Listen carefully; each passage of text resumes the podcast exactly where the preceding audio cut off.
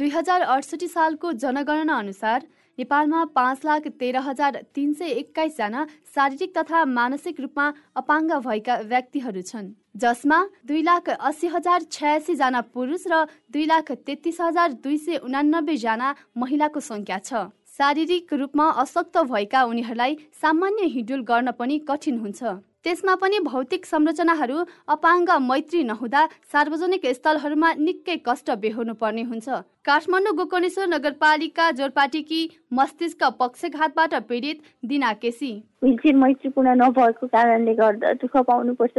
आफ्नो मनपर्ने कलेजहरूमा पढ्नु पाइँदैन। कुनै यस्तो ठाउँहरू जहाँ सबै जान चाहन्छ त्यस्तो सबै ठाउँहरू विलचेयर मैत्रीपूर्ण पनि बनाइदिएको छु भनेर अब प्लास्टरहरू गरिदिँदैमा विलचेयर नै उल्टो फर्किने तरिकाले त्यस्तो तरिकाले नगरिदिए हुन्थ्यो। अपाङ्गता भएका व्यक्तिहरूलाई सरकारी निकायले आश्वासन बाहेक अरू केही नदिएको उहाँको भनाइ छ। हरेक वर्ष शारीरिक तथा मानसिक रूपमा अशक्त व्यक्तिहरूको अधिकारका लागि राज्यका निकायहरूले विभिन्न कार्यक्रम सञ्चालन गरे पनि त्यसलाई व्यवहारमा लागू गर्न कुनै पहल कदमी भएको देखिँदैन। अपाङ्गता भएका व्यक्तिहरूलाई सहयोग सद्भाव र अवसरको खाँचो छ तर सामाजिक सचेतनाको कमीका कारण अशक्त व्यक्तिहरूले परिवार र समाजबाटै अपहेलना पनि सहनु परेको छ। अपाङ्गता भएका व्यक्तिहरूका लागि सडक पेटीमा टकट्याल बिछाए पनि जथाभावी गाडी पार्किङ गरिदिने फोहोर थुपार्ने लगायतका गतिविधिले गर्दा त्यसको प्रयोग गर्नबाट उनीहरू वञ्चित हुने गरेका छन्। राष्ट्रिय अपाङ्ग महासङ्घ नेपालका महासचिव राजु बस्नेत।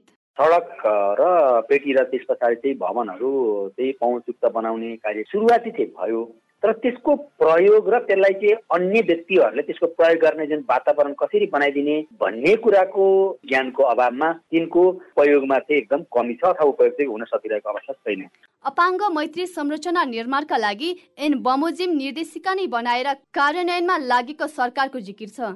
अपाङ्ग मैत्री सडक तथा भवनका संरचना जति बन्नुपर्ने थियो त्यस अनुरूप बन्न नसकेको महिला बालबालिका तथा ज्येष्ठ नागरिक मन्त्रालय अन्तर्गतको अपाङ्गता अधिकार प्रवर्धन शाखाको स्वीकार रोक्ती छ शाखाकी उपसचिव जमुना मिश्र। सडकहरू कि सडक के हेर्दा केही त भएकै छन् नभएको त हुँदै होइन भन्ने कुरा चाहिँ छैन अहिले। तर जति हाम्रो यो निर्देशिका कार्यान्वयनमा आउनु पर्थ्यो त्यो पूर्ण रूपमा कार्यान्वयनमा नआएको चाहिँ पक्कै छन्। धेरै कुरा अब सचेतनाको अभावले पनि होला यो यस्तो निर्देशिका कार्यान्वयनमा छ भने कति जनचेतनाको अभावले पनि त्यो पूर्ण रूपमा कार्यान्वयनमा नआएको हो। भौतिक संरचनासँगै सूचना र प्रविधिलाई पनि अपाङ्गता मैत्री बनाउनु पर्ने आवाज उठ्न थालेको छ। नेपालमा अपाङ्गता भएका व्यक्तिहरूमाझ सूचना प्रविधिको पहुँच अत्यन्तै कम छ। अपाङ्गता भएको व्यक्तिहरूको पहुँच राज्यको हरेक तहसम्म पुग्न सक्ने वातावरण सिर्जनाको पनि उत्तिकै खाँचो छ।